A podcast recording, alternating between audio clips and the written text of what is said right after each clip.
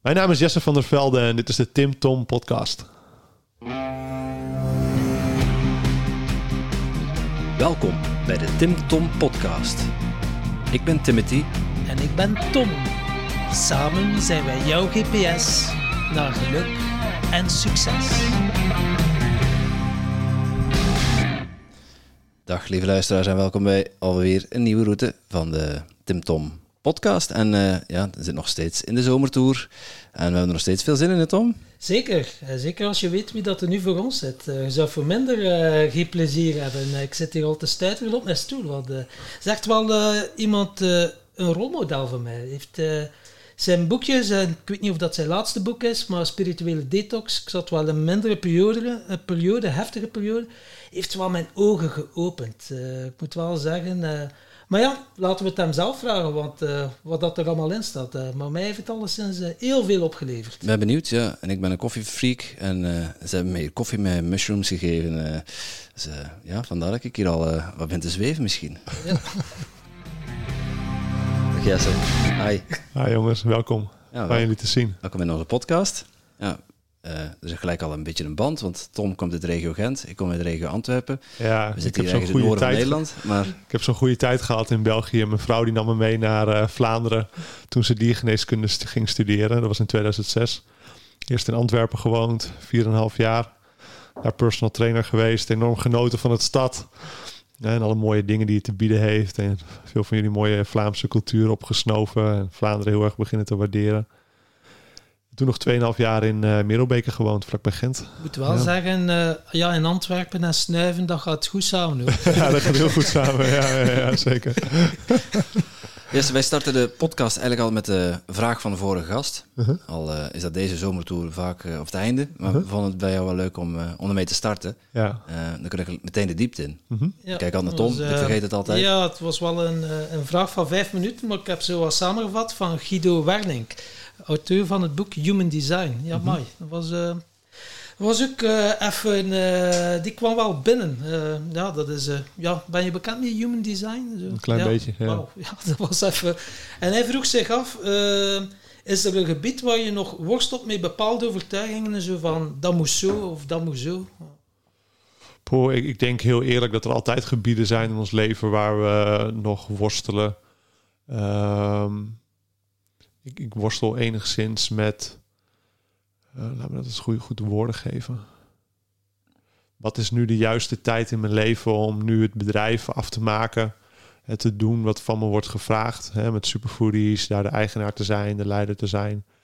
Um, en volledig het medicijnpad te bewandelen. Gewoon alleen maar dat te doen. Hè. Is het waarheid voor mij om uh, alles wat ik tot nu toe heb opgebouwd in mijn leven, het succes met het bedrijf, Um, en het feit dat ik dat bedrijf ook nog run. Ik vervul echt een, een actieve um, rol als, als directeur van dat bedrijf en ik leid het team. Uh, is het waar om dat eerst nog volledig af te maken? Hè, de potentie die daarin zit, nog veel verder neer te zetten. En de geweldige producten die we hebben gemaakt naar het buitenland te brengen, nog een veel hoger niveau te bereiken in Nederland. En ik kan dat, ik weet precies hoe ik dat moet doen. Of is het waar om dat volledig los te laten? Hè, om echt volledig te zetten, zeggen nee, mijn hart ligt volledig bij medicijnpad. En mensen helpen te helen. En ceremonies te leiden, mensen helpen naar binnen te keren. En dit is iets wat me zoveel passie geeft, zoveel plezier geeft, zoveel groei geeft. Want er is daarin zoveel te leren, zoveel te ontdekken. En kunnen we leren om dit hele universum en ons leven te hacken als de Matrix. En, en simpelweg ook onszelf te helen, hier geaard te zijn. En het hele experiment vol te leven hier wat aarde is. Dus uh, dat is een vraag die ik me vaak stel. En, uh, en ik denk dat uh, het allebei waar is. Voor beide kan iets gezegd worden. Hè, het is niet fout om, om het bedrijf te blijven doen. Want dat is ook mijn hart, dat is ook mijn passie, het is ook mijn missie. Het brengt ook gezondheid. En het is een geweldige weg om ehm, mensen eerst kennis te kunnen laten maken met fysieke gezondheid. Want voor veel mensen zijn plantmedicijnen en spiritualiteit zoveel bruggen te ver. Geef mij nou maar gewoon green juice en dan voel ik me fitter en dan voel ik me beter. En Stop met je gezeur verder, hè? met je gezeven. Hè? Ja. en, dus het is ook zo'n lijn in lijn met mijn missie. Dus om die vraag te beantwoorden, ja, dat zijn twee grote vragen. En ik denk dat het een vraag is waar veel mensen aan kunnen relateren. Hè? Wil ik doen wat ik altijd heb gestudeerd en waar ook passie ligt? Of wil ik dat gewoon allemaal loslaten en de wereld rond gaan reizen? Sommige mensen gaan de hele gaan de wereld rond. Hè? Of gaan het spirituele pad helemaal bewandelen. Of wat dat dan ook voor hun is. Hè? Later volledig los. Maar ik zie ook vaak dat ze weer op een gegeven moment weer terugkomen bij wat ze altijd al deden. Ik geloof ook heel erg in uh, mensen die vragen vaak: wat is mijn levensmissie? Wat is mijn pad?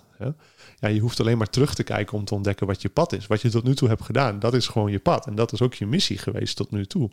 En kan je in die missie en in dat wat je doet, wat je hebt gestudeerd, ook al is dat misschien iets heel praktisch, iets heel aards, kan je daarin je hart brengen en je vreugde brengen. En kan je daar ehm, ja, jezelf verder in ontwikkelen.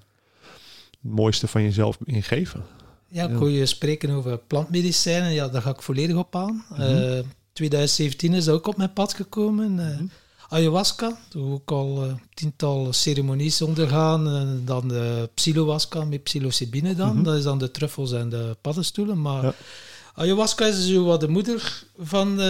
ja, de moeder wordt ook wel genoemd. Mhm. de zachte helende energie. Maar laatst had ik Iboga, mhm. dat is uh, de grootvader. Ik dacht, mm ja, plantmedicijnen zijn plantmedicijnen. Ja, dat was toch wel even mhm. verkeerd ingeschat. Ja. Wanneer is dat bij jou op je pad gekomen, die plantmedicijn? Nou ja, dat is een leuke vraag. Dat kwam op mijn pad uh, in 2016.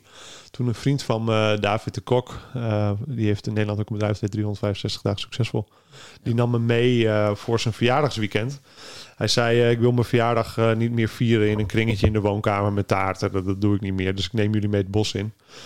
Uh, je moet handdoeken meenemen, droge kleren meenemen, zelf eten meenemen, slaapzak meenemen.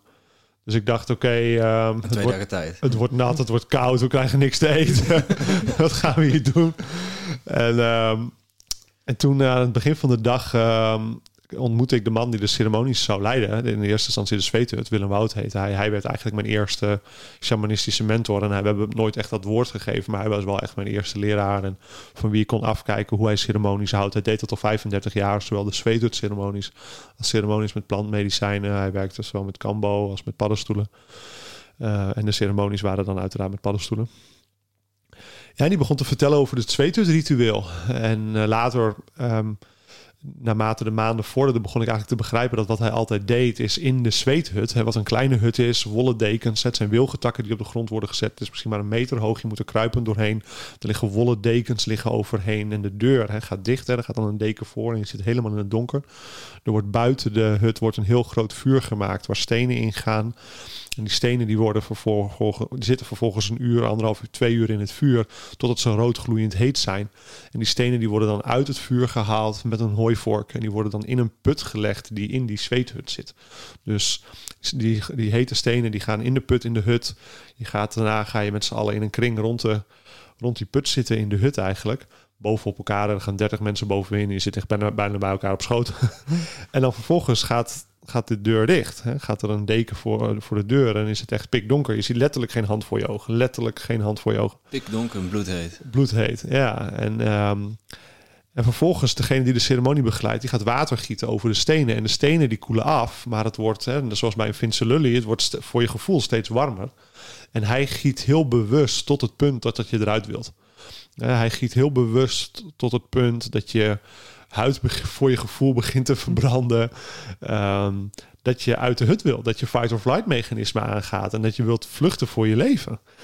Uh, en sommige mensen doen dat ook. Hè. Die zeggen, Willem Oud, Willem Oud, stop. Weet je wel, laat me eruit, laat me eruit.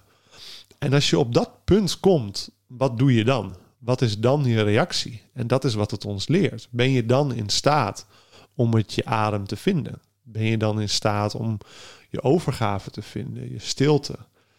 Te beseffen dat je niks anders hebt als je adem. Want je hebt ook niks anders. Je zit letterlijk in je eigen blote kont op het gras. Je hebt niks anders. Kan je je ogen dicht doen? Kan je je nederigheid vinden? Alles loslaten? Want wanneer je in je hoofd zit, dan gaat, gaat het mis. Wanneer je gaat nadenken, hoe lang duurt dit nog? Is eigenlijk anticiperen op het moment dat je eruit kan. Als je in het verhaal gaat van hoe zwaar het is en dit is vreselijk en waarom doe ik dit? En je gaat vastzitten in het verhaal over waarom het zo pijn doet en waarom het zo moeilijk is. Of je gaat misschien wel in weerstand. Je gaat vechten met wat er in je gebeurt. En je gaat proberen dat te onderdrukken en sterk te blijven. Wat is onze reactie? Kan je daar volledige overgave voor vinden? Kan je gewoon je adem vinden? Volledig loslaten? Dat is de manier om het te doen. En dat is zo'n grote metafoor voor het leven. Namelijk, wat is op dit moment de zweethut in je leven? Is het op dit moment. Waar wordt het heet in je leven? is het conflict in je relatie? Is het, is het financieel? Is het in je gezondheid? Waar zit je in een tijd in je leven waar die, die je confronteert, die je misschien moeilijk vindt, die je misschien zwaar vindt? En kan je dan gewoon helemaal oké zijn met daarin te zijn? Kan je het gewoon je adem geven? In plaats van naar je hoofd gaan van oké, dit moet nu anders, ik moet dit fixen. In plaats van het te negeren wat veel mensen zouden doen. He, maar gewoon doorgaan. He, gewoon hard doorwerken of gewoon s'avonds lekker Netflix kijken. Dat je, dat je 40 kilo te zwaar bent, gewoon negeren en ook gewoon dooreten op de bank. Of ja, zo weten dat je dat niet moet doen. Of andere subtielere slechte gewoontes. Hè. Werken, te veel werken kan ook een slechte gewoonte zijn. Of gewoon iedere keer maar de leuke dingen van het leven opzoeken en niet bezig zijn met wat echt in je speelt. Kan ook een patroon zijn. Ja, de confrontatie met jezelf is... En eh, spiritualiteit kan voor mensen ook een uitweg zijn. Hè? Ze, ze gaan de hemel in en ze gaan zoeken naar allerlei abstracte dingen, maar ze zijn niet gewoon bezig met wat er op dit moment gaande is in hun leven. Ja, die, we noemen het spiritualiteit, maar zijn eigenlijk de aardse dingen. En dat aarde. Kan je gewoon zijn, ja. Wat, wat deed die zweethut, die eerste zweethut ervaring met jou? Ehm, ik denk dat het vooral echt herinnering was. Ik begon echt te beseffen, wauw, wat hij zegt in de hut, de, de, de manier waarop die Sacred Space aanroept. Want hij hè, nodigt de richtingen van de wind uit. En later leerde ik van Alberto Fioldo, mijn shamanistische mentor, uh, hoe je een Sacred Space aanroept. Um, te werken met de richtingen van de wind en de archetypes en energieën die daarbij horen. Um, en ik begon te begrijpen, ja, dit zijn zulke diepe wijsheden. En ik begon aan hem te zien, hij heeft echt een pad bewandeld waarvan ik nog niet wist dat het bestond. Uh, ik, ik, ik, had al jarenlang persoonlijke ontwikkeling gedaan. Ik stond op mijn negentiende al te schreeuwen bij Tony Robbins en dat soort type dingen. En ik wist niet dat er zo'n pad, wat zo dicht verbonden met de natuur was, wat zo stil was, wat enerzijds zo'n andere enerzijds iets is wat we helemaal niet kennen en anderzijds zo waar is. We kennen dat zo erg eigenlijk. We voelen als het waar is, we voelen de diepte erin. Zo diep verbonden met de natuur, zo diep verbonden met God of the Great Spirit, zo diep verbonden. En dat integreerde me echt enorm. En toen gedurende de dag bleef Willem Wout het maar steeds hebben over een andere ceremonie die we zouden gaan doen. S'avonds in de tipi. Dit was in de Zweden, dat andere was in een indianentipi. Ja, waar je een vuur maakt in het midden. En met wat hij noemde het medicijn. En ik had helemaal geen idee wat we gingen doen. Want terwijl paddenstoelen in Nederland altijd legaal zijn geweest, ik had dat nog nooit gedaan. Ik had wel een keertje gebloot op Lowlands, maar dat, dat was het enige wat ik ooit had gedaan. En ik dacht echt, is dit een of andere secte, dacht ik. Ik kreeg echt een enorm sectegevoel. Ik dacht, gaan we hier een beetje drugs lopen doen met elkaar? En wat is dat allemaal? Maar ik besloot gewoon één ding. En dat is dat ik ga gewoon vertrouwen. Ik besloot, het universum maakt geen fouten. Ehm, dat was iets wat Albert Sonneveld altijd tegen me zei. Die jullie ook interviewen, geloof ik, hè? Ja. Um, Albert Sonneveld zei altijd, het universum maakt geen fouten. Dingen gebeuren niet tegen je, ze gebeuren voor je. Dus dat wat jij niet leuk vindt in je leven, Welke kans kan je daarin zien? Waar kan je dankbaarheid vinden? Kan je zien als oké, okay, dankjewel dat dit gebeurt voor me te helpen helen, voor me te helpen groeien.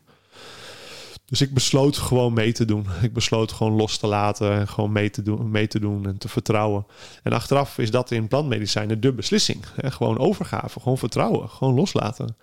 En andere ceremonies daarna was ik daar nog genoeg mee in gevecht om echt te leren vertrouwen. Maar toen, toevallig, tussen aanhalingstekens, besloot ik te vertrouwen. En toen zag ik een ceremonie in medicijn zei tegen me: Dit is deel 2 in je leven. Dit is een nieuw begin. Het vroeg ook aan mij: Je hebt dit leven gekregen, wat ga je ermee doen? En dit is deel 2. En, uh, en het werd enorm deel 2. Ja, het werd enorm deel 2. Ja, je komt jezelf echt wel tegen. Hè? De, de, die spirit of die planten, ze hebben elk hun eigen spirit. En die gaan zonder poespas, die geven nu gewoon de waarheid achter de illusie. Ja, bij mij ze zo'n destructieve relatie hebben kunnen transformeren met licht en liefde. Dan kwam nog een verslavingsstuk naar boven van mijn drugsverleden. ja, hier ga je mee dealen. En dan denk ik van, wauw, je mag nog jaren naar psychologen, naar therapieën of persoonlijke ontwikkeling. Of bij, dat is allemaal het mentale, maar dat is nog zoveel dieper. Welke, welke dingen heb jij zo kunnen oplossen? Eh? Ja. Ja, ik heb veel kunnen oplossen. Maar om nog eventjes te reageren op wat je zegt, te zeggen ook dat plantmedicijnen tien jaar therapie in, in, drie uur of zes uur of acht uur kunnen zijn. Hè? Ja. Ehm, ze hebben het vermogen om je te helpen in één ceremonie een compleet nieuw perspectief te kiezen op iets wat je altijd hebt geloofd dat het zo is.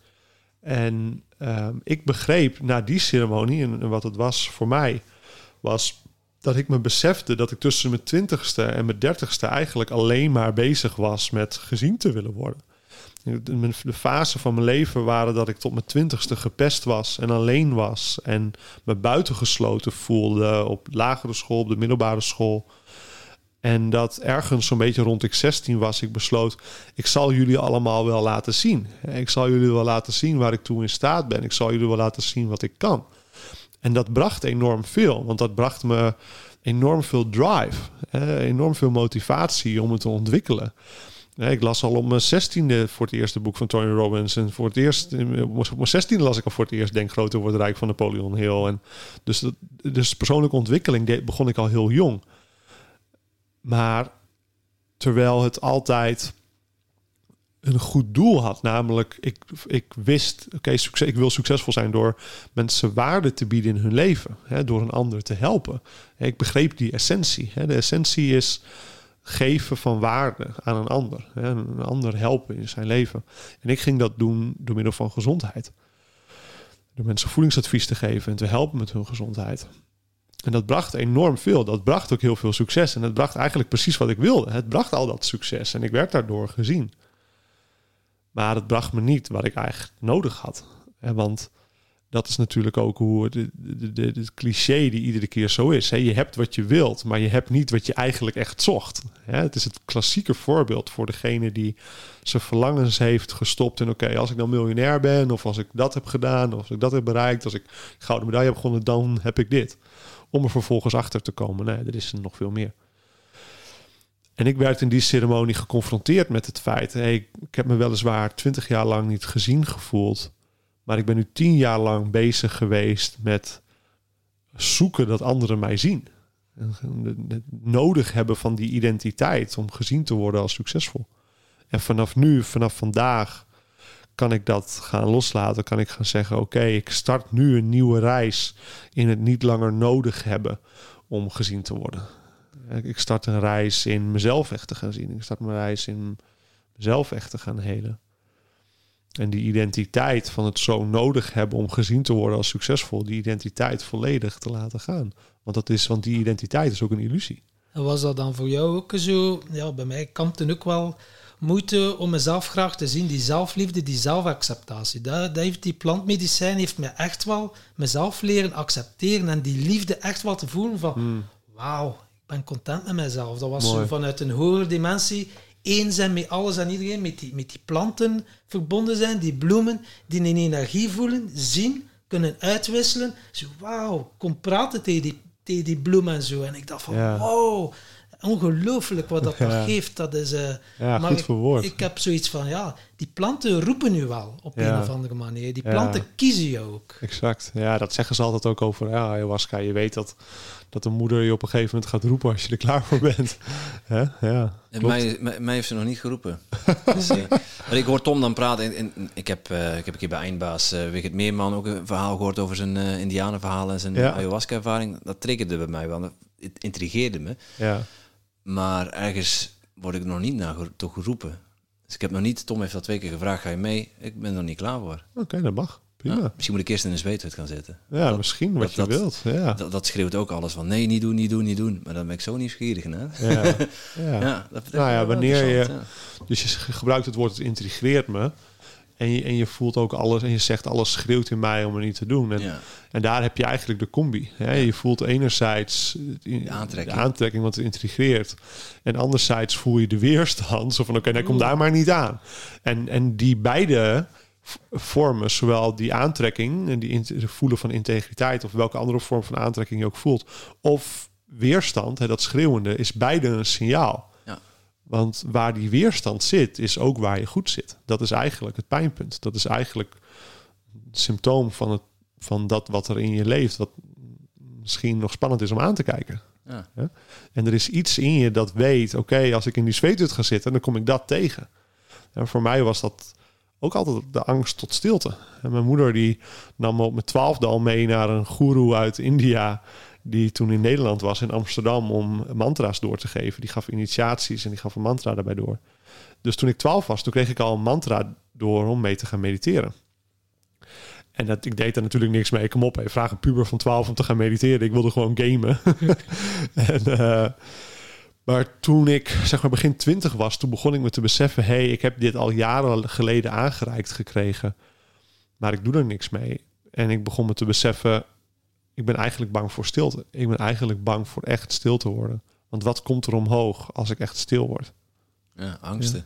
Ja. Je komt jezelf tegen dan, hè? Ja, ja, dan zeg je van, ja, bij mij net hetzelfde. De confrontatie met mezelf. En dan ging ik altijd mensen gaan opzoeken, graag drinken. Ja, maar ik kan alleen, dat, dat gaat het toch niet aan. Het is toch veel leuker om met mensen te zijn. Was gewoon, ik was gewoon fucking bang om alleen te zijn en dat toe te laten, die stilte. En dat was wel voor mij wel een mega inzicht. Dat ik dacht van, ja, ik liep gewoon weg van mijn eigen, eh, van, ja, van, mijn, van mezelf liep ik weg. En overal vluchten en mezelf verdoven. Tot wanneer dat je op een punt komt dat je niet anders kunt en uh, ja, dat je in overgave gaat. Ja, en ik denk dat het heel belangrijk is dat, je, dat we ons allemaal, als je hier naar luistert, daar heel eerlijk over wordt. Omdat er zoveel sociaal geaccepteerde manieren zijn om weg te lopen. Het is eigenlijk in onze cultuur heel veel normaler om gedrag te vertonen van weglopen, wat we niet zo zouden noemen, niet zo zullen noemen. Ehm, het is heel veel normaler om dat te doen dan om iets diep aan te gaan. Dat vinden we juist vreemd. We vinden het heel normaal om s'avonds je avond gewoon op de bank te gaan eten en de hele avond tv te kijken. We vinden het heel normaal om in het weekend dronken te worden. we vinden het heel normaal, helaas, dat koppels uit elkaar gaan. 50% van de stellen gaat weer uit elkaar binnen zoveel jaar. Um, we vinden al die dingen heel normaal. We zijn, het, we zijn gewend geraakt daaraan, want het gebeurt zoveel. En dan vervolgens gaat iemand weet ik veel, naar Peru of naar de Amazone om daar ayahuasca te drinken, met de shamanen te zijn. Of iemand gaat naar het oosten om te mediteren met de monniken. En dat soort type dingen vinden we dan heel vreemd. Hè? En als we ayahuasca-ceremonies of andere vormen van plantmedicijn hier gaan doen, ben je dan aan de drugs? Gaat het wel goed mee? Ben je dan, ben je dan verslaafd? ja, ja. Ben je verslaafd? Hè? En ik maak me zorgen over je. Ja, ik maak me zorgen over jou. Want je bent ondertussen 50 en je hebt nog nooit iets gedaan voor zelfontwikkeling. En je bent de hele, hele avond boos op je partner. Hè, en je hebt zoveel dromen waar je nog nooit voor bent gegaan. En je bent 20 kilo te zwaar. Ik maak me zorgen over jou. Ja, dat is van je knieën. Dat is van je, hoe komt dat allemaal? Weet je wel, dus... Dus dat is de cultuur waarin we, waarin we leven. En die cultuur begint gelukkig op grote schaal doorbroken te worden.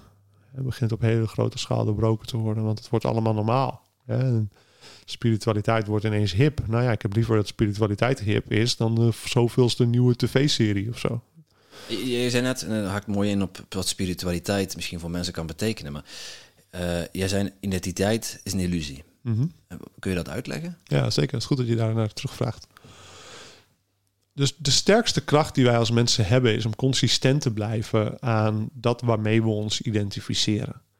En we hebben het als mensen nodig om onszelf te begrijpen. We hebben als mensen nodig om zekerheid te ervaren over wie ik ben. We hebben nodig om zekerheid te ervaren in hoe we ons presenteren aan andere mensen aan de wereld. Simpelweg hoe ik mij presenteer aan, jullie. Of hoe ik me presenteer als ik in de supermarkt boodschappen doe. Of op het podium sta of naar mijn werk ga. We hebben daar een gevoel van zelfwaarde nodig. En de zekerheid te weten over wie we zijn. Dus ergens in ons leven gaan we een bepaalde identiteit koppelen aan onszelf, die ons iets geeft. En dat kan de identiteit zijn van ik ben een winnaar. De identiteit van de topsporter die gewoon altijd gaat. Ik ben, het kan de identiteit zijn van de, een academici die altijd aan het studeren is en zichzelf ontwikkelt, die heel veel identiteit verleent aan het hebben van kennis. Hè? En het misschien wel het hebben van een doctoranderstatus of een professorstatus, et cetera. Het kan de identiteit zijn van te zorgen voor een ander. Hè? Iemand die er altijd voor een ander is en altijd voor een ander klaarstaat. En diegene zal er waarschijnlijk heel veel liefde uit ervaren. Maar dat soort mensen die dat heel erg, die dat te veel leven, vergeten ook op een gegeven moment voor zichzelf te zorgen. Dus iedere vorm van identiteit die we te veel leven en alles wat in het leven wat we te veel leven, dat raakt vroeg of laat uit balans. En los daarvan, want daarmee haal ik eigenlijk een ander thema aan, maar die identiteit die, die geeft ons iets. Het geeft ons zekerheid, het geeft ons zelfwaarde. Maar is het echt de waarheid? Het is een identiteit die ergens is ontstaan in je leven. Wanneer is die ontstaan? Waar, waar was je toen in je bewustzijn, in je zelfbewustzijn. En waar bevond je je toen in je leven, toen je dat bent gaan geloven? Diende je op dat moment, maar dient het je op dit moment ook echt? Is het echt waar? Is het wie je in essentie echt bent?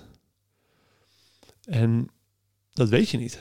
Het enige wat je weet is dat je er pas achter komt wie je echt bent. Je weet ah, dat je dat, die identiteit altijd zelf kunt kiezen. Je hebt hem oorspronkelijk zelf gekozen. Je bent vrij om te kiezen. Je bent vrij om te kiezen wat je leeft. Je bent vrij om te kiezen om te leven als een mens dat de hele dag dansend en zingen door het leven gaat. Je bent vrij om te kiezen om iemand die gewoon gefocust is en gewoon resultaat wil. Je bent vrij om te kiezen om iemand die gaat door het leven gaat als een winnaar of een zorger. Of je bent vrij om te kiezen hoe verhoud je je. Ja, je bent vrij om te, door, als een grappenmaker door het leven te gaan. Dus hoe ga je door het leven? Waar kies je voor? Je bent vrij om te kiezen en je hebt dat al, al, al gekozen. Oké, dus dat is mijn keuze. En je weet pas wie je echt bent als je dat wat je eerder hebt gekozen volledig kunt laten gaan. Want alle vormen van daaraan vasthouden. Ik verleen zelfwaarde uit die identiteit. Ik, ervaar liefde van anderen vanuit die identiteit. Mensen kennen mij zo. De angst die omhoog komt als je dat gaat loslaten wat oud is, is zullen ze nog wel van me houden? Zullen mijn vrienden nog wel mijn vrienden zijn? Wie ben ik dan als ik dat niet meer heb? Ik kwam ook enorm die angst tegen. Ik besefte me, ik ben door het leven gegaan als succesvolle jongen die het nodig heeft om gezien te worden als succesvol. En zo werd ik gezien door. Ik, ik was 26 en ik had al iets van 130.000 volgers op mijn mailinglijst. Social media was toen nog niet zo heel populair. Hè? Dus mailinglijst was toen de kern. En iedere al, al mijn vrienden in een ondernemersclub, een soort mastermind club waar ik in zat, die zagen mij altijd als de meest succesvolle. Ik was altijd de jongen die het snelst ging en die het verst was in zijn bedrijf en die anderen hielp en die de meeste kennis bracht. En ze waren altijd zo blij met de inzichten die ze van me kregen, et cetera. Dus ik verleende daar heel veel uit. En toen kwam ik er tegen dat het een identiteit was. Toen kwam ik tegen dat het een illusie was. Toen begon ik te zien, hé, hey, het is slechts iets waar ik heel erg aan vasthoud. Oké, ik moet dit gaan loslaten. Zullen ze dan nog wel van me houden? Mijn vrienden kennen, ze, kennen me op deze manier. Dat is dood één. Ja. Hoe zal het gaan met mijn bedrijf als dit allemaal loslaten? Dus wie ben ik dan zonder dat? Zullen ze nog van me houden? Zullen ze me nog wel zien? Et cetera. Kwam ik allemaal tegen. En de enige, het enige wat je kunt doen is zeggen: ja, ik laat dit los. Want alleen maar als je die lei compleet schoon maakt, dan kan je vanuit waar je nu leeft een veel wijzere versie van jezelf, een veel grotere versie van jezelf. En misschien wel in verbinding met een veel groter geheel, kan je gaan ontdekken wie je eigenlijk echt bent. Niet verleend, niet een identiteit gekozen vanuit de noodzaak aan status. Niet gekozen vanuit het ego, zoals we dat meestal omschrijven. Dat graag gezien wil worden, dat bang is om niet gezien te worden, bang is om niet geliefd te worden maar vanuit je ziel, vanuit wat klopt. De ziel, Vanuit echt je essentie. Onze spirituele leraar, ik heb het al een paar keer verteld in de podcast, die zegt: Het is belangrijk dat je koning op de troon zit, de ziel. Want jij zegt, je hebt ook twee ministers, de dienen van binnenlandse zaken en buitenlandse zaken. Exact. de ego is binnenlandse zaken en persoonlijkheid is buitenlandse zaken. En die mm. zitten ook graag op de troon. Dus mm. ga maar even voelen uh, of dat je koning wel op de, op de troon zit. Ja. Ja, die interne beloningssysteem. Dus op welke manier haal je beloning? Ja. Beloon je jezelf door jezelf te zijn of beloon je jezelf door ja, te zijn wie je denkt dat je moet zijn? Exact, ja, exact. En wat ik heel wonderlijk vind, is dat voor duizenden jaren hebben verschillende culturen elkaar nooit ontmoet. Dus de Indianen in Noord-Amerika hebben de Indianen in de Amazone nooit ontmoet. Tot misschien 20 jaar geleden, misschien 30 jaar geleden. En de monniken die in het oosten woonden en de wijsheid van de Egyptenaren en dergelijke. Ze leefden ook in verschillende tijden, sommige van hen. Maar zij die in, in, in, in dezelfde tijd in de geschiedenis leefden, die hadden elkaar nooit ontmoet. Toch? Kon toen nog niet. Zelfs voordat er überhaupt boten waren. En heel veel van hun tradities lijken op elkaar. De medicijnwiel van de shamanen in Zuid-Amerika komt voor een heel groot gedeelte overeen met die van de shamanen in Noord-Amerika, met die van de shamanen in Siberië, met veel principes van spiritualiteit uit het oosten.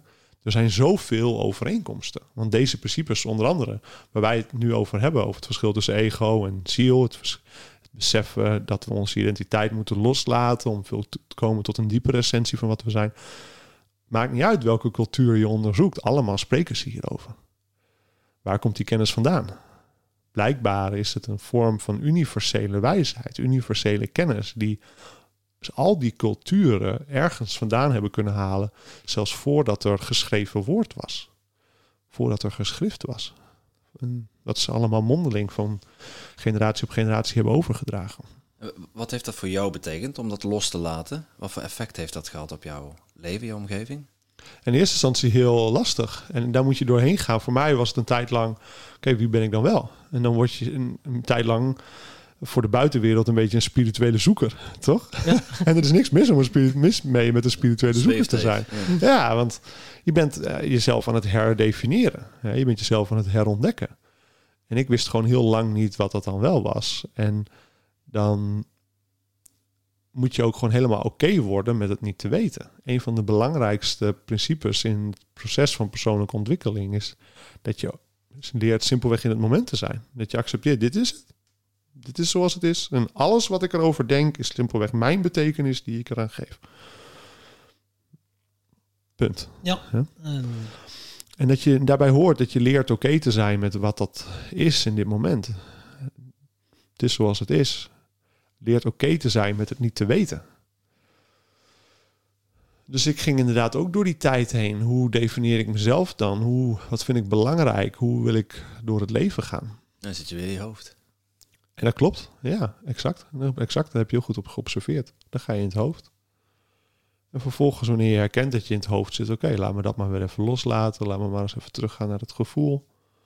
Laat me maar eens gewoon even voelen wat er is en waar ik naartoe wil. En ik denk overigens dat je ook eraan moet toevoegen dat er ook niks mis is met het hoofd. Ik denk dat het heel slim is om je kop erbij te houden op sommige momenten. Het is verkeerd om vast te houden aan wat oud is, om niet te kunnen evolueren, niet te kunnen loslaten. Oké, doe dat vooral eerst. Maar het is ook onverstandig om helemaal uit de wereld te stappen en maar te doen alsof dat wat er is in je leven er niet, ineens niet meer is. Of niet meer toe doet. Of niet meer toe doet. Ik bedoel, je relatie en de relatie met je kinderen doet ertoe. En misschien wat bedrijf dat je hebt opgebouwd. Of gewoon onderdeel blijven van deze maatschappij doet ertoe. Dus daarvoor moet je heel erg kiezen wat, wat is waar in dit moment. Ja, het is belangrijk, hoe zei het, uh, verstandig gevoel hebben en een verstand en een gevoelig verstand hebben. Ja, mooi. Ja, goed verwoord. Ja. En het ook ja, het durven toelaten.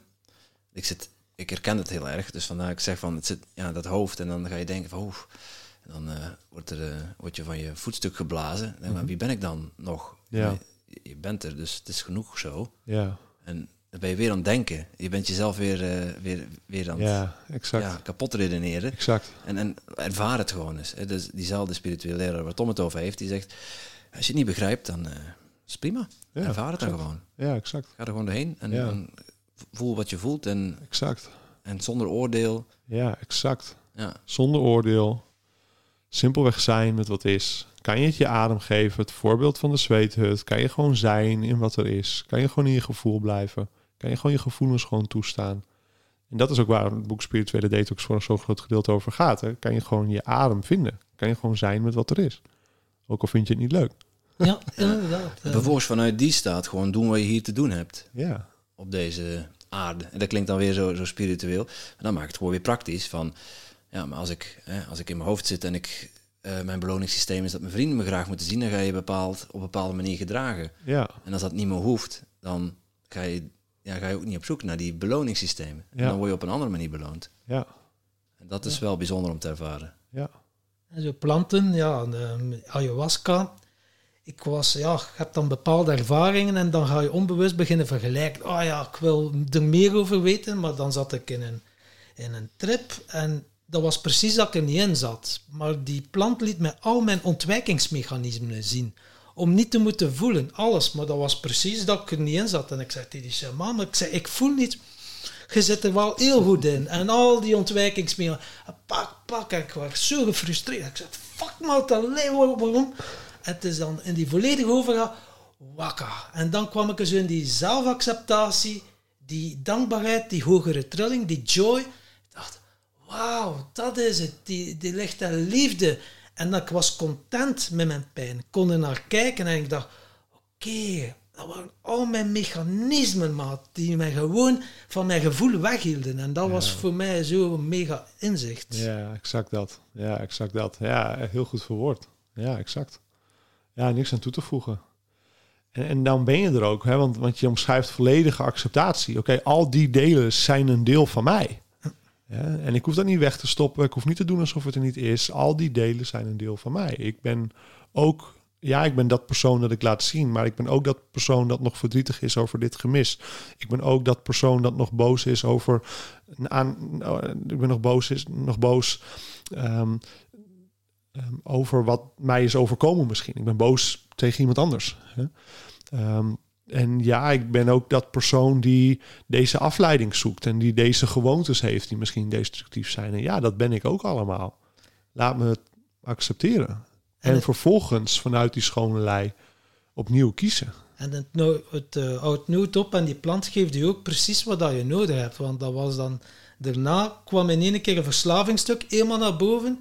Ik had dan al wel ceremonies gedaan, maar kon er niet mee om. Ik ging weer ongezond eten, keek naar porno, af en toe een joint. Ik zei, maar wat gebeurt hier allemaal? En dan mm. ja, had ik wel die Iboga, de shaman had gezegd, denk dat je ook klaar bent voor Iboga. Mm. Ik zeg, oké, hier in Nederland ook ergens. Ja, en dat is, terwijl dat ayahuasca nog zacht is, Iboga zegt, hier maat, hier heb je met te ding. Dat is uw fucking groot probleem. Ik heb vier dagen niet geslapen. Mm. Alles moeten doorvoelen, doorleren. Alle emoties dat ik verdoofd heb. Met drugs, alcohol. Ik allemaal naar boven. Ik mm. heb het al uit mijn lijf gekotst en ik dacht, wow. Mm. En dan na vijf dagen was ik wel 30 kilo lichter. Ik dacht van, wat is er hier allemaal gebeurd? Wat een keis dat er is gebeurd. En nu kan dat ook wel nog zo van, oh, porno voor gezonde voeding, maar kan ik er naar kijken? Oh nee, het is niet nodig. Exact. Dat is wel leuk. Ja. Hij omschrijft ook dat nadat je de ceremonie zo was gaan doen en met ayahuasca gaan was gaan werken, je weer terugviel in een oud patroon. Want we hebben ook zekerheid nodig om iets om ons aan vast te houden. Je hebt iets nodig om je aan vast te houden. En, je, en alle plantmedicijnen zijn destabiliserend. Ze maken alle patronen los die er zijn. En dan vervolgens vraagt het van ons om zelf onze stabiliteit te vinden. Vraagt het van ons om zelf te kiezen waarvoor we willen kiezen. En dat moeten we wel heel bewust doen en met veel aandacht gaan doen. Dat is inderdaad het verschil. Als je ermee begint, denk je, wow, wauw, een leuke trip. Dan komt het, het integreren, want die plant blijft nog weken verder werken in je systeem. En daar zit het echte, de echte winst in uiteindelijk, de echte groei in. En ja. Eh, ja, heb jij zoiets van, ja, hoeveel keer in het jaar doe je zoiets? Dat is, je kunt dat moeilijk meten, denk ik. Hè? Ja, je moet gewoon naar intuïtie luisteren, wat voor je klopt. Ja. Het afgelopen jaar ben ik de ceremonies meer dan ooit gaan houden. Ik heb geloof dat ik ooit van 35 ceremonies heb gegeven. Eh, in het afgelopen jaar alleen al, waarin ik zelf natuurlijk ook meereis. En dat was soms ook wel moeilijk, hè, want dan, ja, je, je, moet wel echt je stabiliteit iedere keer opnieuw vinden. Ja, ja. dat klopt. En je werkt dan enkel met uh, de truffel of uh, de psilocybine, of heb je ook nog andere... Ja, ik combineer hem altijd met kapi, omdat die ook legaal is in Nederland. En kapi is een van de twee ingrediënten met ayahuasca. Dus dan krijg je inderdaad de psilohuasca, zoals sommige mensen dat noemen. Je hebt dan het hartopende effect van van de kapi, het liefdevolle, de connectie met de moeder ayahuasca. En de psilocybine die ons helpt om te reizen. Ja. ja. Nu staat er op uh, mijn programma in oktober de peyote-ceremonie. Vijfdaagse, mm maar dan ook met zweethut met mescaline. Mhm. En dan uh, of niet, Temascal denk ik. Dat is een, uh, een Mexicaanse shaman. Heb jij ervaring met cactus en peyote? Ja, ik heb veel ervaring met San Pedro. Ja, voor in eigen gebruik en microdosing vooral. Ik heb nog nooit met de Mexicaanse shamanen gereisd. Dat lijkt me iets super fascinerends en intrigerends om te doen staat absoluut op het verlanglijstje. Zullen zien wanneer dat is. Cool, spreken over microdose. Uh, voor mensen die het niet kennen, wat, uh, wat dat precies is? Microdosing is eigenlijk het principe dat je een kleine dosering neemt, een microdosering van wat dan ook. Dat hoeft niet eens per se met plantmedicijnen te zijn. Maar dat, die term wordt veel gebruikt in de, in de wereld van plantmedicijnen. Dat je een kleine dosering van bijvoorbeeld, een, bijvoorbeeld van San Pedro of bijvoorbeeld van paddenstoelen of van truffels neemt. Eh, of bijvoorbeeld van Capi, ehm, om dieper met jezelf te verbinden. En ehm, je neemt bijvoorbeeld misschien 50 of 100 milligram gedroogde paddenstoelen. Wat, waar je, terwijl je als je ceremonie zou gaan doen, misschien wel 3 gram of 4 gram gedroogde paddenstoelen zou nemen in een ceremonie. Dus het is echt een veel lagere dosering. 50 tot 100 microgram bedoel je? Je neemt um, ehm, 100 uh, milligram ongeveer gedroogde, gedroogde paddenstoelen ten opzichte van 3 of 4 gram, gram ja, ik gedroogd 50 gram. Ik dacht, uh, nou dan... Uh... en um, dus dit is in het geval van, van paddenstoelen. Hè? Um, en je neemt dat met het doel wat je natuurlijk zelf kiest waarom je het neemt. En ik observeer dat veel mensen tegenwoordig gaan nemen omdat ze meer creativiteit willen. Hè, ze willen meer ideeën, ze willen grotere visioenen, et cetera. Designer drugs. Ik denk dat het heel belangrijk is dat je beseft dat je altijd met een plantmedicijn werkt. En dat een plantmedicijn vergroot wat in je leeft. Jij kunt je intentie kiezen. Je kunt zeggen, oké, ik wil op deze manier met jou gaan werken. Maar je verbindt met een groter bewustzijn. Het plantmedicijn bepaalt voor jou wat er echt gedaan moet worden. Uh, en dat moet je niet willen sturen. Daar kan je je echt alleen maar aan overgeven. Als je dat dan gaat doen met een intentie om creatiever te zijn en om te gaan werken, is leuk. Maar de enige echte intentie is om stil te worden, je ogen te sluiten, naar jezelf te gaan kijken, over te voelen wat er echt speelt. Ehm, het is een medicijn. En, en zo moet het ook worden gezien en zo moet het ook worden genomen. Um, en ik wil dat graag toevoegen aan de microdosing community. uh, want ik denk dat dit heel essentieel is en heel belangrijk is. Ja. Dat je dan ook microdoost om iets te helen bij jezelf. Exact, ja, exact. En niet, en niet om iets te bereiken wat buiten je staat. Exact, exact dat. Want dat is ook precies wat het verschil maakt tussen een plantmedicijn en drugs. Wanneer we ditzelfde middel, zoals bijvoorbeeld paddenstoelen, nemen om te gaan feesten, op zoek naar liefde, op zoek naar een fijne staat, op zoek naar verbinding en helemaal uit je bol gaan en leuke visioenen, dan doe je het in anticipatie op iets wat je graag wilt. Ja, ik wil dat plezier en die liefde en een goede avond. En wanneer je hetzelfde middel neemt in een ceremoniële setting, rond het vuur of misschien wel gewoon alleen thuis, je doet je ogen dicht, je neemt het met een intentie om diep naar jezelf te gaan kijken, om te openen voor wat zich voordoet, om overgave te zijn en in nederigheid te zijn voor wat zich voordoet. En je innerlijk werk te gaan doen. Te zeggen, oké, laat maar zien wat, wat, wat ik te doen heb vandaag. Dan wordt het een medicijn. En het is hetzelfde middel, maar de intentie maakt al het verschil. En ik denk dat we op grote schaal, en als we het kijken over de trends en hoe, hoe, hoe de maatschappij en de cultuur zich ontwikkelt, is het fijn dat we microdosing krijgen. Is het fijn dat mensen het op deze manier ontdekken. Want zo kan het eh, ons helpen om echt te gaan ontdekken wie we echt zijn. En kan het ons na verloop van tijd helpen om met, echt met de juiste intentie te gaan nemen. Ja, dat maakt het ook het verschil tussen het gebruiken als drugs, of als softdrugs, of als harddrugs. En echt om jezelf te helen. Omdat ja, het gaat allemaal om die intentie. Mhm. En ja, ze zeggen dan van, oh, en, en bepaalde ayahuasca dingen zijn, uh, zijn verboden in, uh, in Nederland. Mhm. Maar ja, als je ziet wat dan de intentie is, mhm. dan begrijp je niet dat het verboden is en dat uh, antidepressiva wel zijn toegestaan. En dan ja, maar ja, je kan bijwerkingen krijgen, je kan psychedelische aanvallen krijgen, het kan schizofrenie veroorzaken. Ja, en inderdaad, alle farmaceutische middelen, er is er niet één die bijwerkingen heeft. Nee hoor, geen één. ja, die zijn allemaal hartstikke veilig. Ja. Ik, ik, hoorde jou net, ik hoorde jou net uh, al een paar keer zeggen, uh, we begonnen het interview ook mee, en gebruik jij de woorden de waar. Hè? Dat, dat je nog aan het aftoetsen bent, is het waar dat jij nog iets te doen hebt als CEO voor, uh, voor Superfoodie het waar dat jij een bepaalde weg moet bewandelen met plantenmedicijnen. Uh, daarna ook van een bepaalde identiteit. Mhm. Van voor jezelf toetsen van wat is waar, wat is niet waar. Mhm. Wel benieuwd, hoe, hoe, voel jij in of iets waar is? Hoe weet je, mhm. wat is jouw afwegingskader? Ja, dat is ook een heel goede vraag. Goed geobserveerd. Ik denk dat het ook een heel centrale vraag is in het leven. Het was ook de eerste vraag die Willem Wout stelde aan mij. Wat is je waarheid? Ehm, en ik begreep eigenlijk niet goed wat die vraag überhaupt betekende. dat hele concept, wat is mijn waarheid? Wat is mijn waarheid?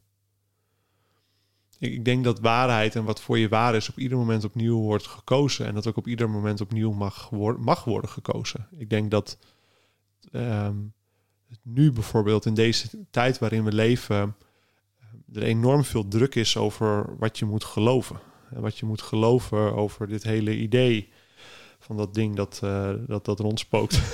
zo blijkbaar zo rondspoken tussen ons. Er, er wordt heel stellig gezegd over wat je daarover moet geloven. En je wordt heel erg zwart gemaakt als je iets anders gelooft. Want oké, dan behoor je tot die club van wappies of complotdenkers, et cetera. Dus je doet of mee, of we schrijven je compleet af als complotdenken. Dat is natuurlijk heel interessant. En dat is per definitie een heel angstig kader. Dat is heel erg vanuit angst bepaald. Omdat of je doet het zoals ik wil, of je mag gewoon helemaal niet meer meedoen. Je moet de maatschappij uit. Het is ook bijna alsof ze of we bang zijn voor wat er gebeurt als mensen te vrij worden. De, het hele idee in de, in, binnen de scene, binnen de kringen van plantmedicijn in de Verenigde Staten en psilocybine en de universiteit die daar een onderzoek et cetera aan het doen, is dat LSD en plantmedicijnen zoals paddenstoelen illegaal werden, omdat blijkbaar in de jaren 60 een Harvard-professor tegen de toenmalige Amerikaanse president heeft gezegd: Ja, maar Mr. President, ja, als, als dit legaal blijft, wie gaat dan nog jouw oorlog vechten in Vietnam? Oftewel, als mensen hier te wakker worden, als die hele flower power en hippie movement echt doorzet, mensen echt komen in hun hart, wie gaat er dan nog jouw oorlog vechten? Of wordt gezegd dat, of financieren. En dat is, dat, er wordt gezegd dat dat het punt was, dat het illegaal werd. Dus hoe ontdek je in deze tijd waarin we zijn, hoe ontdek je je waarheid? En dat is vooral allereerst stoppen te zeggen tegen alles wat de rest gelooft. Te beseffen, ja, ik hoef niet met jullie mee te doen. Ik hou van mezelf. Ik, weet misschien nog niet helemaal wie ik ben, maar ik, en ik hou van mezelf en ik hou van jou, ongeacht wat jij gelooft. Te beseffen, oké, als jij mij niet meer wilt in jouw leven omdat ik iets anders geloof, oké, prima, dat, dat, is jouw keuze, dat hou ik mooi bij jou. ik ben niet afhankelijk van jou. Ik ben niet afhankelijk van dat jij van mij houdt. Ik ben niet afhankelijk van of ik wel met jou mee mag doen. Ik ben niet afhankelijk of ik nou wel naar dat onderdeel van de maatschappij mag. Ik ben niet afhankelijk van die baan stap uit die afhankelijkheid van al die vormen waar jij denkt afhankelijk van te zijn. Stop met de overheid de schuld te geven. Stop met boos te zijn op de overheid. Stop met boos te zijn op je werkgever die je vraagt een mondmasker te dragen of die je vraagt te vaccineren. Het is allemaal niet jouw zijn schuld. Het gaat over wat wil je zelf kiezen. En iedere keer wanneer je boos bent op een ander, geef je de andere macht. Geef je alle macht uit de handen. Dus besef dat je van niemand afhankelijk bent. Dat het allemaal begint simpelweg bij wat wil jij? Wat wil ik? Wat geloof ik? En, ook, en daarin ben ik vrij te kiezen. En dat je zegt mijn waarheid. Exact. En jouw waarheid, die van mij, die van Tom, is heel anders dan die van andere mensen. En er is niet één waarheid. Er is niet één waarheid. Er zijn miljoenen perspectieven op alles te vinden. En er, zijn wel, er is wel één essentie. En er is een essentie dat we allemaal mens zijn, dat we allemaal een hart hebben, dat we allemaal geboren zijn vanuit liefde. Dat liefde ons verbindt en draagt. En dat we alles doen om dat te geven en te ontvangen. Voor elkaar, voor, elkaar, voor onze kinderen. Dat is onze essentie, dat is wat ons verbindt. Ons perspectief zijn natuurlijk miljoenen op iedere situatie te, te verzinnen. En ik kijk liever naar onze essentie. Hè? Beseffen dat jij ook alles doet om goede vader te zijn, of goede moeder te zijn, of goede medewerker te zijn. Mensen in essentie alles doen vanuit het beste wat zich in zich hebben. Mensen doen altijd alles met de middelen die ze hebben. Mensen geven altijd het beste wat ze op dat moment in zich hebben. En laat me jou, als je misschien niet meer kunt vinden. Als je niet meer kunt vinden dan misschien bijvoorbeeld wel je boosheid op je vader. Oké, laat me jou dan liever helpen. In plaats van te veroordelen, waarom ben je altijd zo boos? Stop met altijd zo boos te zijn. Laat me je helpen. Want ik besef dat we alles doen altijd met alles wat we in ons hebben. Dus ik kijk liever naar de essentie dan naar iemands geloofsovertuigingen. En zo kijken we ook naar onszelf. We kijken liever naar ons hart, onze essentie, dan die geloofsovertuigingen. En hoe vind je dan, als je niet meer bang bent voor de mening van een ander, als je je niet meer afhankelijk maakt van een ander, hoe vind je dan je waarheid? En dan kom je toch bij de principes als wat voelt waar in je buik, wat voelt waar in je hart, wat geeft je vreugde, wat geeft meer gronding, wat geeft meer zelfbewustzijn, wat geeft meer vreugde, wat klopt in je buik. Keer daar naar terug. En ik denk dat dat enorm belangrijk is voor iedereen om dat te doen. En ik denk dat daarom deze tijd alleen maar een reflectie is van de groei die de mensheid nodig heeft. Ik zal je een simpel voorbeeld geven. Toen het echt nog maart vorig jaar was en dit hele spektakel net was begonnen, toen sprak ik iemand op straat die ik ver ken en toen ook, sindsdien ook niet meer heb gezien. En diegene zei: Dit is allemaal wat ze zeggen, maar het voelt niet goed in mijn buik. Toen was het maart. Toen was dit net begonnen. Iets klopt er niet, zei dat persoon.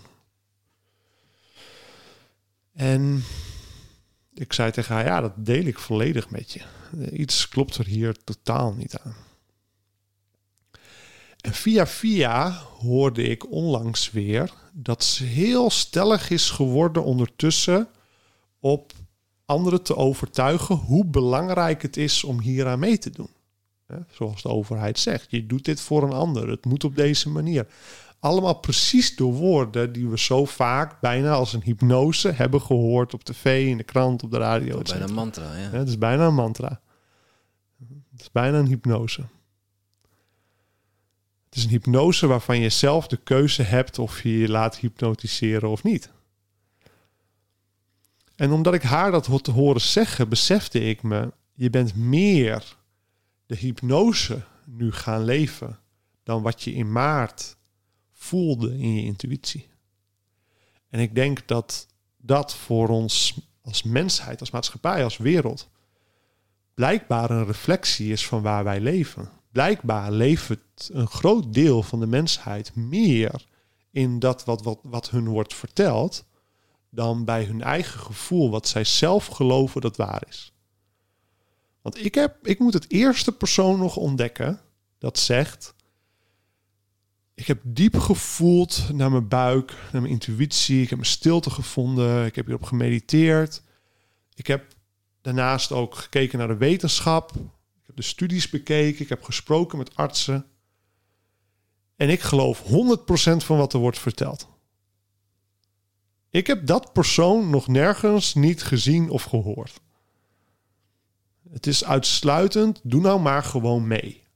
Doe nou maar gewoon mee met wat er wordt gezegd. Voor onze gezondheid. Het is goed. Hè? Hoor je, heb je dan niet gehoord wat er op tv wordt gezegd? Hè? Doe nou maar gewoon mee, dan zijn we hier allemaal het snelst doorheen. Oké. Het is vooral dat. Ik moet het eerste persoon ook nog ontmoeten die zegt: ik neem dat vaccin voor mijn eigen gezondheid. Ondanks dat ze het wel hebben genomen. Ze nemen het omdat ze zeggen: ja, ik wil gewoon weer kunnen reizen. Ja. ja. Ik wil naar festivals ik wil doen, kunnen. Ik wil dit doen voor mijn vader die ziek is. ik wil terug naar festivals kunnen gaan, maar ja, ze worden toch uh, terug uh, uitgesteld. En, uh. en ik ken een aantal mensen van het artsen-covid-collectief in Nederland persoonlijk en heel goed. En die artsen en binnen, die hele, binnen dat hele collectief. Er is nog niet één wetenschappelijk onderzoek geweest dat het vaccin helpt te voorkomen dat je een ander besmet. Het is er nog niet geweest. Het is totaal niet bewezen. Het wordt je allemaal verteld op tv. Er is niks van wetenschappelijke onderbouwing dat het helpt te voorkomen dat je een ander besmet. Het bestaat niet het bewijs. Straf. Het is hooguit het reduceren van het risico. En dan nog is het bewijs wat er dan in onderzoeken staat heel mager het is ook eenzijdig. Hè? Onderzoeken zijn altijd eenzijdig. Daar moeten mensen misschien ook op letten. Van wie financiert een bepaald onderzoek. Exact. Met welk doel? En met welk doel? En dat gaat even los van vaccins, hè? Want ja, het gaat over alle onderzoeken. Het gaat, over alle onderzoeken. Maar het gaat alleen maar... Want voor sommige luisteraars, hè, misschien luister je dit nu en denk je van... Nou, dit gaat me allemaal te ver en jaren gaan, mijn haren gaan omhoog staan... voor wat je nu allemaal zegt. Oké, dat mag. Je gaat maar lekker aan jou wasken. Maar, maar het, het gaat gewoon voor jezelf heel erg over voelen... wat nou echt waar is voor jou. En heel helder worden met... ben ik gaan geloven wat een ander mij vertelt? Of ben ik echt diep bij mezelf aan het voelen wat voor mij waar is. En dat doe je allemaal voor jezelf. En dat is de grote uitdaging. Voor ons allemaal. Ja, en ongezond eten en alcohol en zo helpt niet echt om te gaan voelen uiteindelijk. Totaal niet. Nee, dus- absoluut niet. het, is het moment dat je ehm, schoon gaat eten in de zin van veel groentes gaat eten. Wanneer je groene smoothies bijvoorbeeld gaat maken. Wanneer je meer salades gaat eten. Wanneer je überhaupt meer groenten gaat eten, noten en zaden, misschien fruit, avocado's. Gewoon de groente die uit de aarde komt. En dan misschien nog een eitje, misschien een stukje vlees of misschien een stukje vis. Maar vooral niet meer dat wat is geproduceerd in een fabriek.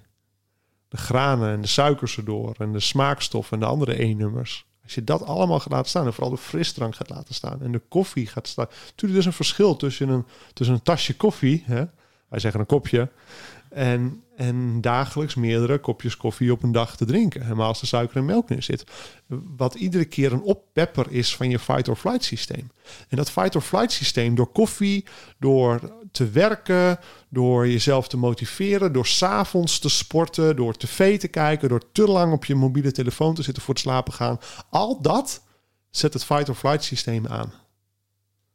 En vooral zijn wij zelf degene die ons eigen fight-or-flight systeem aanzetten. Want we moeten dit doen, we hebben het zo druk, we moeten zorgen dat we die deadlines halen, et cetera, et cetera. En de meeste mensen lopen rond met een geactiveerd fight-or-flight systeem de hele dag door. En dan vervolgens nemen we koffie om op de been te blijven. En vervolgens hebben we het zo druk gehad, gaan we ook nog s'avonds sporten. En dat is alleen maar weer een adrenaline kick s'avonds laat in de avond. Ik heb liever dat je wel gaat sporten dan helemaal niet. Maar dat houdt in dat geval wel het patroon in stand. Ja? Je, hebt me net ook koffie gegeven, maar je zat uh, paddenstoel in. Ja. Um, ik merk wel dat het een ander effect heeft op mijn lichaam dan gewoon koffie. Wat voel je? Uh, veel rustiger dan, uh, dan, dan bij gewone koffie. Ja. Dat het minder in mijn hoofd gaat zitten. Mooi. Normaal koffie zet het, zet het hier echt open. Ja, mooi. Um, ja, dus apart om te ervaren. Ja, mooi. Dat wil ik wel even delen ook. Dit is, dit is van Superfoodies, van, jou, uh, van jouw bedrijfje. Ja. Maar wat, wat, wat, zit hier dan in dat dat effect veroorzaakt? Want... Nou, dus de paddenstoelen zit, die erin zitten zijn Chaga, Reishi. Het hangt een beetje af van welke smaak je had. Maar de vier verschillende paddenstoelen die het bekendst zijn als medicinale paddenstoelen... zijn Chaga, Reishi, Lion's Mane en Cordyceps. Het zijn heel verschillende paddenstoelen. Um, die allemaal immuunregulatoren zijn. Ze helpen een overactief immuunsysteem te remmen of tot rust te brengen. Dat is eigenlijk hun belangrijkste functie. En dat is een heel grootse functie, omdat het eigenlijk werkt op alle ziektes, op alle aandoeningen. Het werkt op alle gezondheid. Dat wat het moet doen. En met een disclaimer dat dit natuurlijk geen geneesmiddel is. En laat vooral niet voorop zetten dat ik hier niks claim, dat je ziek bent, et en naar een arts moet gaan, et cetera. En mijn vrouw is dierenarts bijvoorbeeld en ze gebruikt bijvoorbeeld ook shaga bij dieren. En ehm, er zijn genoeg voorbeelden van levensgrote tumoren, ook bij mensen, die volledig verdwijnen door het gebruik van medicinale paddenstoelen, zoals bijvoorbeeld Chaga of Reishi, waaronder ook bij dieren, maar ook bij mensen. Het immuunsysteem is heel sterk, maar een overactief immuunsysteem dat bijvoorbeeld overactief wordt door stress of overactief wordt door voeding waar je eigenlijk intolerant of zelfs allergisch voor bent dat je veel eet of lage kwaliteit voeding. Een overactief immuunsysteem wordt zwak. En een immuunsysteem dat niet wordt gevoed. Zinktekorten, seleniumtekorten, cholinetekorten. Zulke soort essentiële mineralen die belangrijk zijn voor het immuunsysteem. Vitamine D3. Als het niet de voedingsstoffen krijgt die het nodig heeft, wordt het immuunsysteem zwakker. En ziekte ontstaat op het moment dat die tekorten structureel zijn in het lichaam.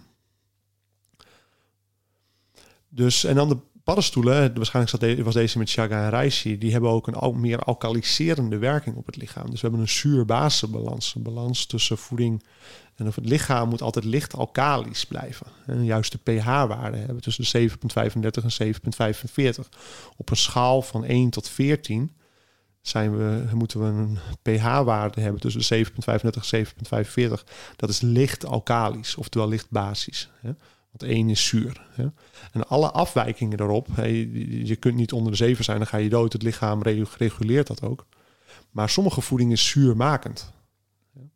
Feitelijk maakt zuur maakt ziek. Altijd te veel suiker eten, te veel rood vlees eten, al dat soort voeding maakt het lichaam zuur, maakt het voor het lichaam moeilijker om licht basis alkalisch te blijven. Letterlijk het is zuurpruim wil je dan. Ja, letterlijk zuurpruim. En, en, het is de voeding die alkalisch of basis maakt, zoals groene groentes, die het lichaam helpt om gevoed te worden.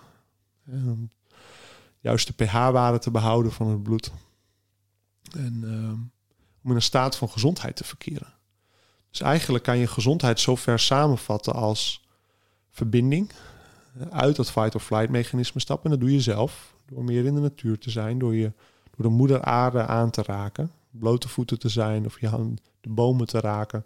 Is heel helend. Er is niks zo helend als de aanraking van de moeder aarde. Dat is enorm zweverig en abstract. Maar het is een van de belangrijkste gezondheidsprincipes. Raak de moeder aarde aan. We weten allemaal hoe goed we ons voelen als we met onze blote voeten over het strand hebben gelopen. We weten allemaal hoe goed we ons voelen als we ook het bos in zijn geweest. Je kunt al je zorgen kwijtraken, toch? Door de bomen of door de zee.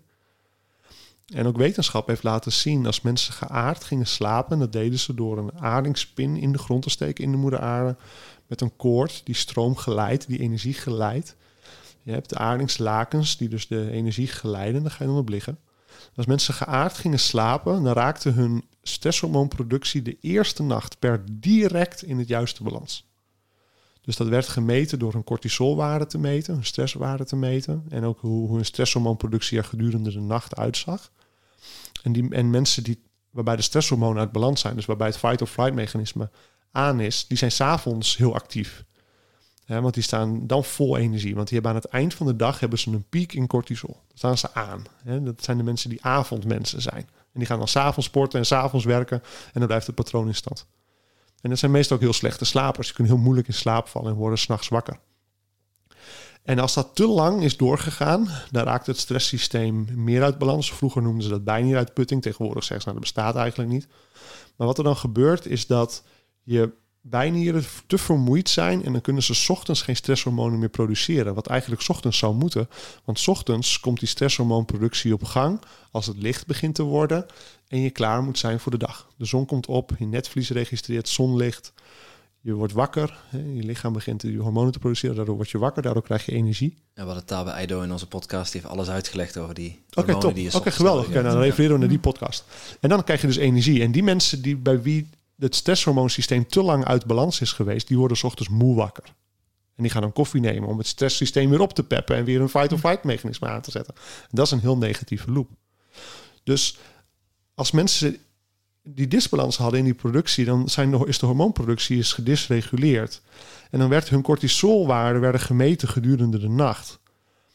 En de mensen die geaard gingen slapen, direct in balans direct in verbinding met de aarde. Zo helend is het. Het werkt op het fysieke lichaam. Fascinerend. Ja, sterker nog, ik ben. Um, ja, het is nu de zomertour, dus een beetje raar voor de, uh, voor de luisteraars, omdat we het iedere week uh, publiceren. Mm -hmm. We waren bij, uh, bij Paul Sonneveld. Mm -hmm. Bij jou mist is, is aarde. En hij mm -hmm. heeft een, ja, een, moet je dat zeggen? Een reading, healing, iets ja. gedaan bij mij in ieder geval. om, om terug te kunnen aarden. Was helemaal van mijn, uh, van mijn wap. Mm -hmm. Toen we thuis kwamen was echt extreem moe. Toen mm -hmm. we in mhm. ons hotel aankwamen. Zei hij, Tom, ik moet, moet even naar buiten. Mm -hmm. Ik ga even wandelen, even alleen. Tom was al geslapen. En uh, het bos ingegaan, schoenen uitgedaan. Daar gewoon even letterlijk aarde. Exact. En ben in mijn bed gaan liggen. En ik heb heel de nacht niet geslapen. Mm.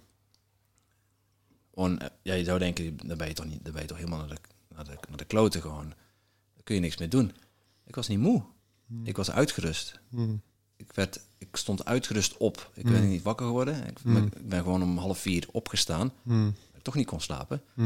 En de creativiteit begon terug te stromen. Dus ik moest dingen van me afschrijven. En ja, ik heb twee uur lang geschreven. En, en, ik was wakker. Tom, Tom die werd s ochtends wakker om zes uur. Dus ik was niet extreem vermoeid. Ik was ook in de, in de podcast die we opgenomen hebben gewoon gefocust. En.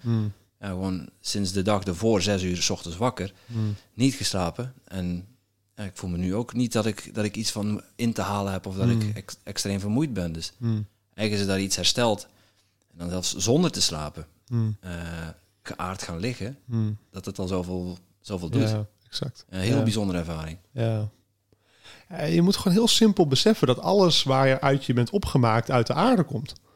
Je bent letterlijk wat je eet. Letterlijk. Hè? Want alle, alles waar je uit bent gebouwd, is voeding die je tot hebt genomen. Waar komt die voeding vandaan? Het is gegeven door de moeder aarde. Ook als je vlees eet, want die dieren hebben zelf groenten gegeten, die jij opeet. Dus het komt allemaal uit de aarde. Dus als je groente eet en eet wat de aarde geeft, noten, zaden, groentes, dan word je een en al vitaliteit, voedingsstoffen. Als je bifiworstjes eet, dan word je een bifiworstje. ja. ja. En wat doe jij bijvoorbeeld om in topconditie te blijven? Wat, heb jij een ochtendritueel dat je kan delen met de luisteraars van oké, dat is om uh, goed aan mijn dag te beginnen? Ja, ik tracht altijd stilte te vinden door het bos te lopen, gewoon even te zijn.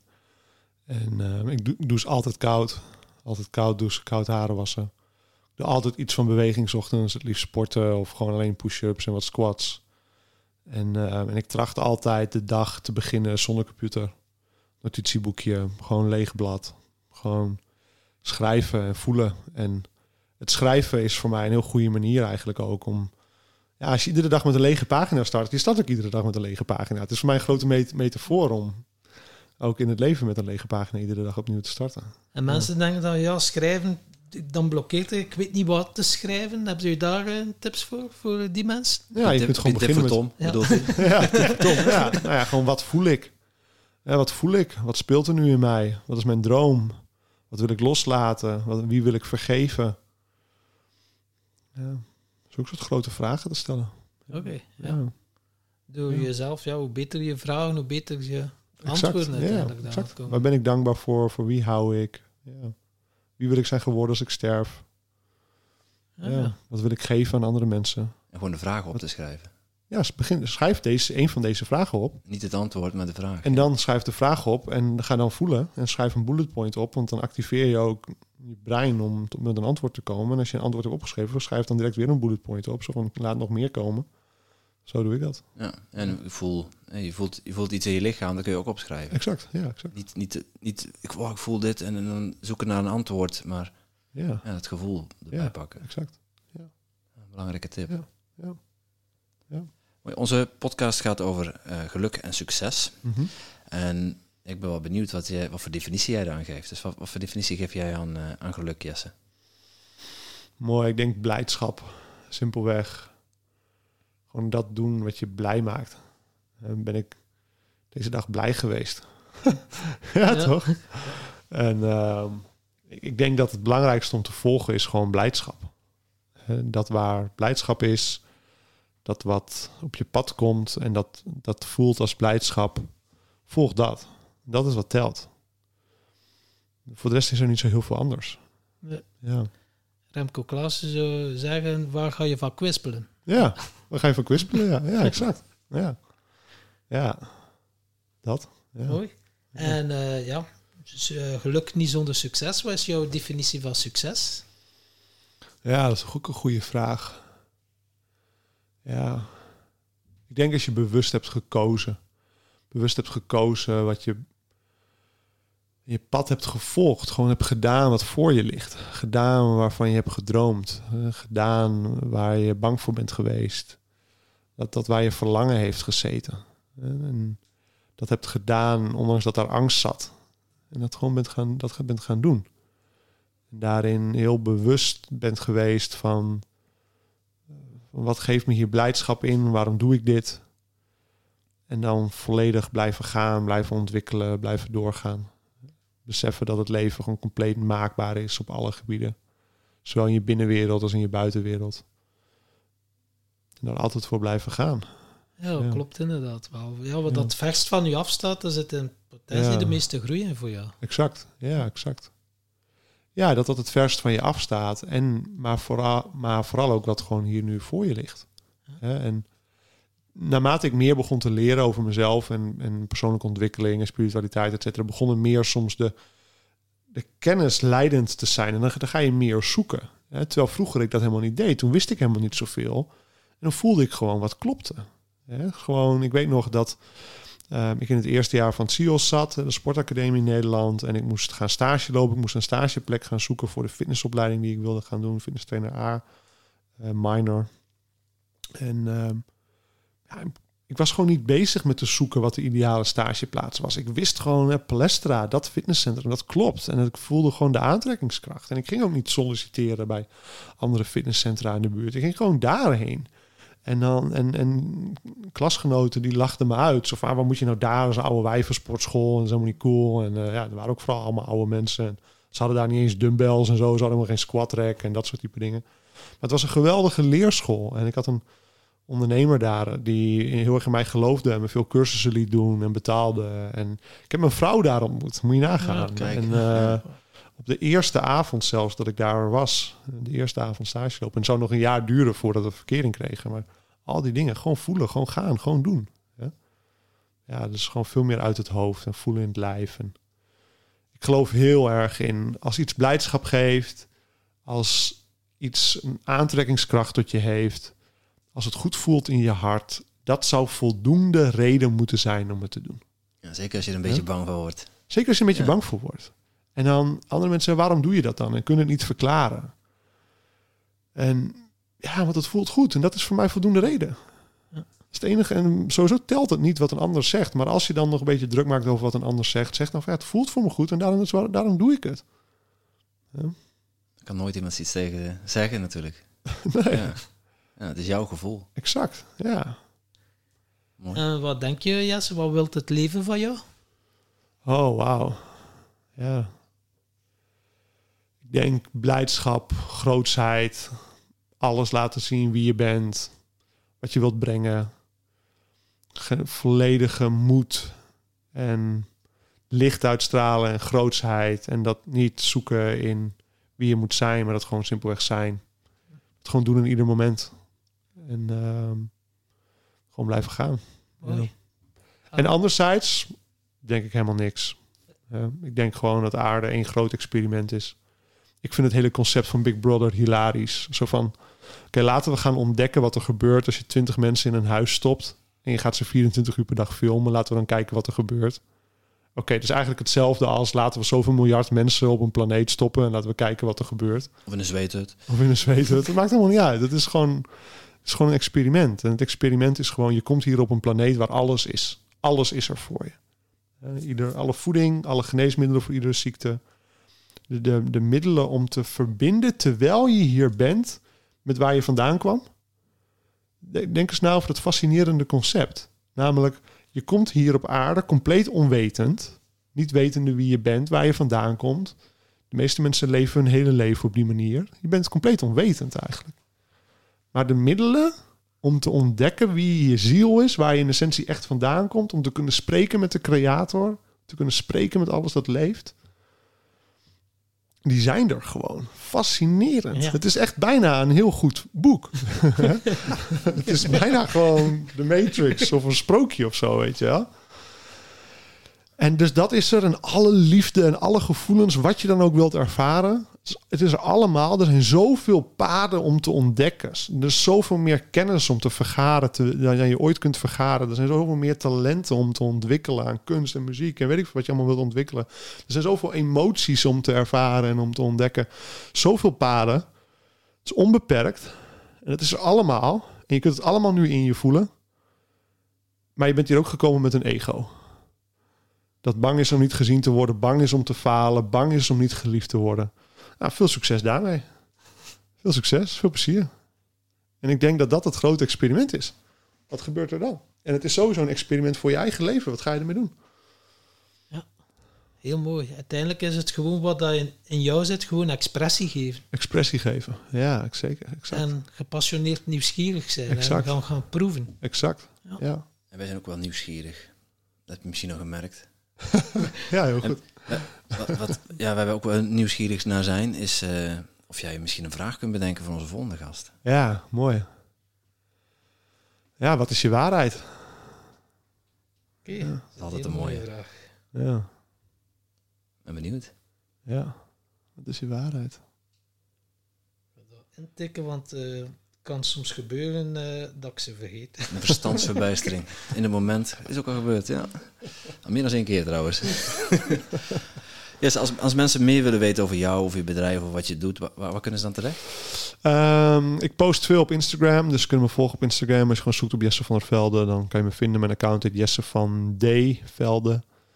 Um, je kunt uh, kijken op jesse.tv. Um, je kunt Green Juice bestellen. Jesse.tv? Jesse.tv. kort uh, ja. Wat, uh... Op Jesse.tv uh, post ik de podcast die ik opneem en blogs en andere hersenspinsels en dat soort dingen die ik creëer. buiten superfoodies eigenlijk en dingen die me interesseren. Um, ja, en als je geïnteresseerd bent in het pad van fysieke gezondheid, dan kijk op superfoodies.nl, meld je aan voor de mailinglijst, bestel Green Juice en dan gaan we je helpen. super. We gaan dat allemaal. We schrijven hier ook een blog van deze podcast. En we zullen alles uh, eronder zetten. Alle Top. gegevens en uh, links. Ja. ja. Nog een uh, mooie afsluiter voor ons? Ja, je, je, hebt het leven gekregen. Wat ga je ermee doen? Wauw. Mooi. Dankjewel. Dankjewel, Jesse. Van harte bedanken. Graag gedaan, jongens. Leuk dat jullie zijn gekomen.